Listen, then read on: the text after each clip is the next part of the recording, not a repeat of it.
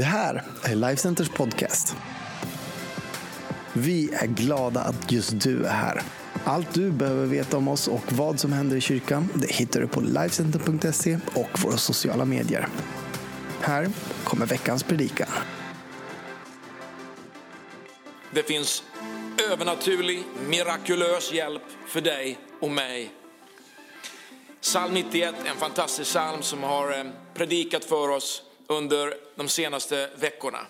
Och idag så vill jag avsluta den serien genom att eh, läsa verserna 10, 11, 12. Men eh, vi ska börja som vi har gjort de senaste veckorna direkt ifrån början i psalm 91. Den som sitter under den högstes beskydd och vilar under den allsmäktiges skugga, han säger i Herren har jag min tillflykt och min borg, min Gud som jag förtröstar på. Och ifrån vers 10 så läser vi de här orden. Ingen olycka ska drabba dig. Ingen plåga närma sig din hydda. Ty han ska ge sina änglar befallning om dig, att bevara dig på alla dina vägar. De ska bära dig på händerna så att du inte stöter din fot mot någon sten. Ska vi be tillsammans? Jesus, jag tackar dig Herre för ditt levande ord Herre. Jag tackar dig för kraften i evangeliet. Jag tackar dig Herre för att eh, det inte bara är bokstäver det här, utan det är någonting som kan ge liv i oss Herre, ge kraft i oss Herre, komma med visdom och komma med ro här i våra liv. Det är ett ord som kan ge oss frälsning i namnet Jesus. Amen. Övernaturlig hjälp är spännande. Den här salmen är ju skriven av Moses, tror vi. Och eh, jag har berättat att hans två medarbetare Josua och Kaleb, det var två stycken killar som eh, eh, genom svåra tider bevarade sina hjärtan och sina inre i en övertygelse på att det Gud har lovat, det kommer Gud att hålla. Och det tror jag också. Det Gud har lovat till dig och till mig genom sitt ord, det är någonting som han håller, någonting vi kan bank on, någonting vi kan bygga på. Och de hade ju en sån här härlig attityd, Josua och Kaleb, som trots att deras polare och deras eh, fighting eh, buddies, som de var på väg in i det här nya erövrade landet för att spana på, eh, talade bara missmod och negativitet och omöjligheter. Så sa de, nej det är möjligt, det går, vi kommer få klara det här, vi kommer fixa det här. Och vi behöver människor i vår tid som också säger det, att vi ska fixa det här det här kommer vi klara av. Det här kommer att, det finns en annan sida på allt det som vi går igenom just nu, eller som du går igenom just nu. Du behöver vänner som predikar för dig och säger, du kommer klara det här. Och jag älskar just attityden hos Josua och Kaleb. Och det blir så tydligt för oss när vi läser den här salmen att den här attityden de hade, det var någonting som också präglade Moses. Och psalm 91 det är verkligen en himmelsk eh, medicin för det som vi går igenom i våran tid. Glöm inte bort redan från början i min predikan här att din övertygelse och det som du bär på, det är någonting som kan hjälpa dina vänner. Jag vill bara skicka en uppmuntran till dig redan nu. Var en sån där människa som lyfter andra människor, som talar hopp och som talar tro. Så låt oss gå in på det som då är övernaturlig hjälp utifrån psalm 91. Inget ont ska drabba dig läste vi. Ingen plåga närmar sig din hydda. Han ska befalla sina änglar att bevara dig på dina vägar, bära dig på sina händer så att du inte stöter din fot mot någon sten. Äh, först jag tänker på här är att den här texten talar om ett garanterat beskydd. Inget ont ska drabba dig. Vet, jag har undervisat ifrån psalm 91 nu under en månad här och eh, redan från början så har vi repeterat att det finns en hemlighet i att inte bara springa till Gud sådär temporärt när man, ja, nu, nu har jag slagit mig, nu behöver jag någon som tröstar mig. Utan att leva i en pågående relation med Gud. Vet, eh, som i våra vardagsliv så vill vi ju leva i en relation som är äkta, inte bara liksom när vi är sugna på lite omsorg och lite omtanke, liksom ett glas mjölk och en bulle hos mamma och sen så springer vi därifrån. Ja men det tillhör ett annat liv. Det är ett mera omoget liv, det är liksom ett barnsligt liv. Men när man växer upp så, så vill man bygga sitt liv på en, jag, menar, jag, jag tycker fortfarande om att komma till min mamma och få bulle och, och ett glas mjölk. Men jag har en djupare förståelse över kärleken till mina föräldrar. Och, men också ansvaret över att mitt liv ska få bli ett liv som förmedlar trygghet till andra människor. Psalm 91 här eh, är ju så tydlig när den talar om att vi kan vila i den här övertygelsen under Guds beskydd. Att komma till Jesus, att komma till Gud, det är ett medvetet val vi gör att följa honom. Att leva för honom. Och därför så är det så klart när vi läser bibeltexterna att det finns ett, ett, ett enormt beskydd i att välja att göra ett medvetet livsval, att det är där jag sätter mitt livs stora trygghet. Att sätta mig under hans beskydd och vilar under hans skugga. Garantin ligger i den här förtröstan som man har. Och det kan ju vara svårt på ett sätt om man lever med en misstro mot människor, en misstro mot myndigheter. Man kanske har varit med om något svårt att lita på människor. Du kanske har blivit bränd på relationer. Kanske hade du en kompis som, som svek dig eller du hade en auktoritet som, som gjorde något fel och så har du svårt att lita på auktoriteter eller vänner. Men den här texten talar så tydligt om dig att det finns en underbar tillförsikt i att lita på Gud. Att våga förtrösta på honom. Du har ett garanterat beskydd i just den här omsorgen från Gud att vaka över ditt liv. Men det är ett aktivt val att välja att lita på honom i allt. Kanske tror du att du är för obetydlig för det här. Jag har mött människor som har spelat ner sin egen betydelse för att man är så mosad under omständigheter. Kanske gått igenom en lång säsong i livet där andra har liksom tryckt ner en. Det är så skönt att läsa den här texten där det står att att eh, Gud, han faktiskt kommer till oss. Han närmar sig, säger texten, våran hydda. Det är liksom ett ganska enkelt hem. Det är inget palats han talar om här, utan det är en hydda. Du kanske också har ett enkelt hem, du kanske har enkla omständigheter. Du kanske inte känner att du är liksom i, i epicentret av, av liksom berömmelse eller resurser. Men Gud kommer till dig oavsett dina omständigheter. Hög som låg, rik som fattig gammal som ung, han kommer till dig och han vill närma sig dig. Det är en underbar glädje att kunna lita på Gud och gå till honom med allt. Men eh, det är ju mycket mer än bara det. Det står ju faktiskt i texten någonting om här att man kan ha en personlig bodyguard. Och här har jag liksom varit fascinerad över och jag har tänkt en del på hur jag skulle förmedla det till dig idag.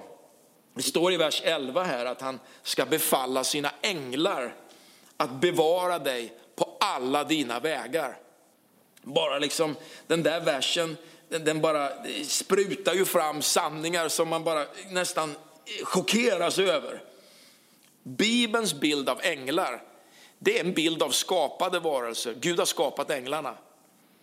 Och änglar, det är Guds tjänstandard brukar man kalla dem för. De är där för att utföra Guds beslut och sändebud och de talar och de möter och de, de gör saker och utför det Gud vill ha gjort här. man möter dem i gamla testamentet och man möter dem i nya testamentet. Man möter dem före Jesus kommer in på banan i nya testamentet. Man möter dem efter. Man möter dem eh, eh, i samband med att den nya första kristna kyrkan startas. Och man möter dem i liksom hela expansionstiden. Änglar, det är något fascinerande. Jag tror på änglar och man behöver räkna med himmelsk support mer än vad man gör. Han ska befalla sina änglar att bevara dig på alla dina vägar. Inte bara en ängel står det. Han ska befalla sina änglar. Ibland tänker man på den där skyddsängeln, singularis bestämd form, en. Liksom. Ja, man har en skyddsängel eller barnen har en skyddsängel. Nej men änglar, det finns resurser. Himlen har resurser för dig.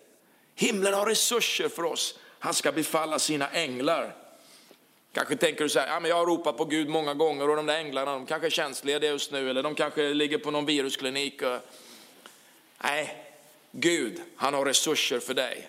Han har änglar för dig. Och så står det i texten, han ska befalla sina änglar att de ska komma där och hjälpa dig på alla dina vägar. Inte bara en väg,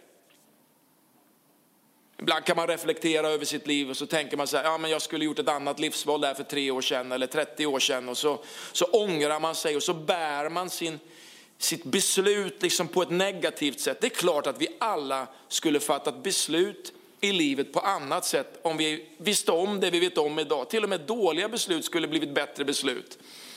Men, men Bibeln säger här faktiskt Att han ska bevara dig på alla dina vägar. Till och med de vägar där du fattar ett felaktigt beslut finns Gud med. Han är där och han vill hjälpa dig. Han vill hjälpa dig genom, han är inte en Gud som sitter och så tittar han på dig för att du har fattat ett felaktigt beslut. Så, ah, ah, men nu struntar jag i honom, jag har ingen idé, jag har ingen tanke, jag, jag har inga resurser för honom. Han ska beskydda och bevara dig på alla dina vägar. Frukta inte ett gammalt vägval, utan välkomna Gud att leda dig.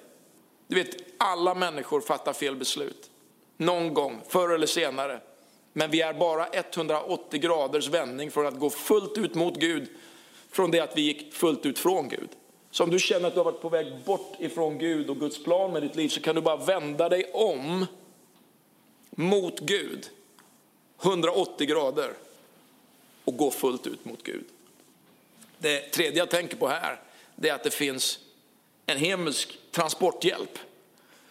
Eh, jag vet inte om du har sett de där bilderna av änglar. Kanske har det funnits en tavla i ett eh, eh, barnrum där du växte upp med någon skyddsängel som vakade över, över några barn som var på väg mot någon farlig plats. Och det kan vara en bro ibland, där jag sett liksom en bild av målad när de går över någon fors där. Och, och kanske hänger till och med idag någon sån där bild hemma hos dig eller hos dina föräldrar. Jag har mött änglar i mitt liv och jag är helt övertygad om det. En pastor som betydde ganska mycket för mig när jag var yngre, han hette John Kilpatrick och han berättade en story om när han var ung. Han eh, gick till sin pastor och sa, jag skulle vilja att du hjälpte mig att eh, lära mig att be. Och de var på några bönesamlingar på morgnarna i den här lilla kyrkan. Och en dag på morgonen så, så var de på väg ut genom kyrkan och då såg han två änglar.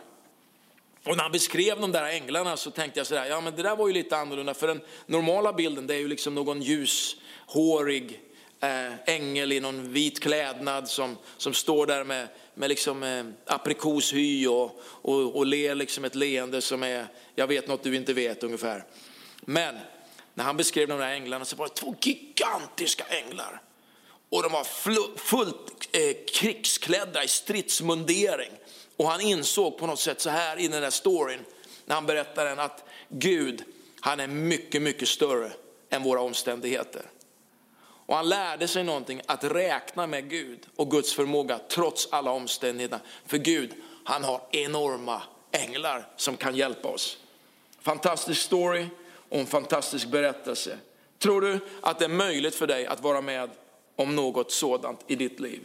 Vers 12 de ska bära dig på sina händer så att du inte stöter din fot mot någon sten.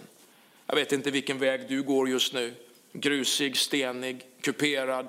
Är det massa hål i backen? Är det, är det massa hinder på din väg? Vad du än möter.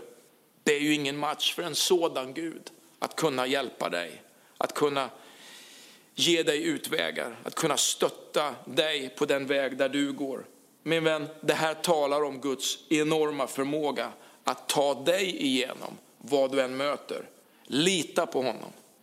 Räkna med hans förmåga att göra det omöjliga möjligt. Det finns himmelsk transport genom allt det du går igenom.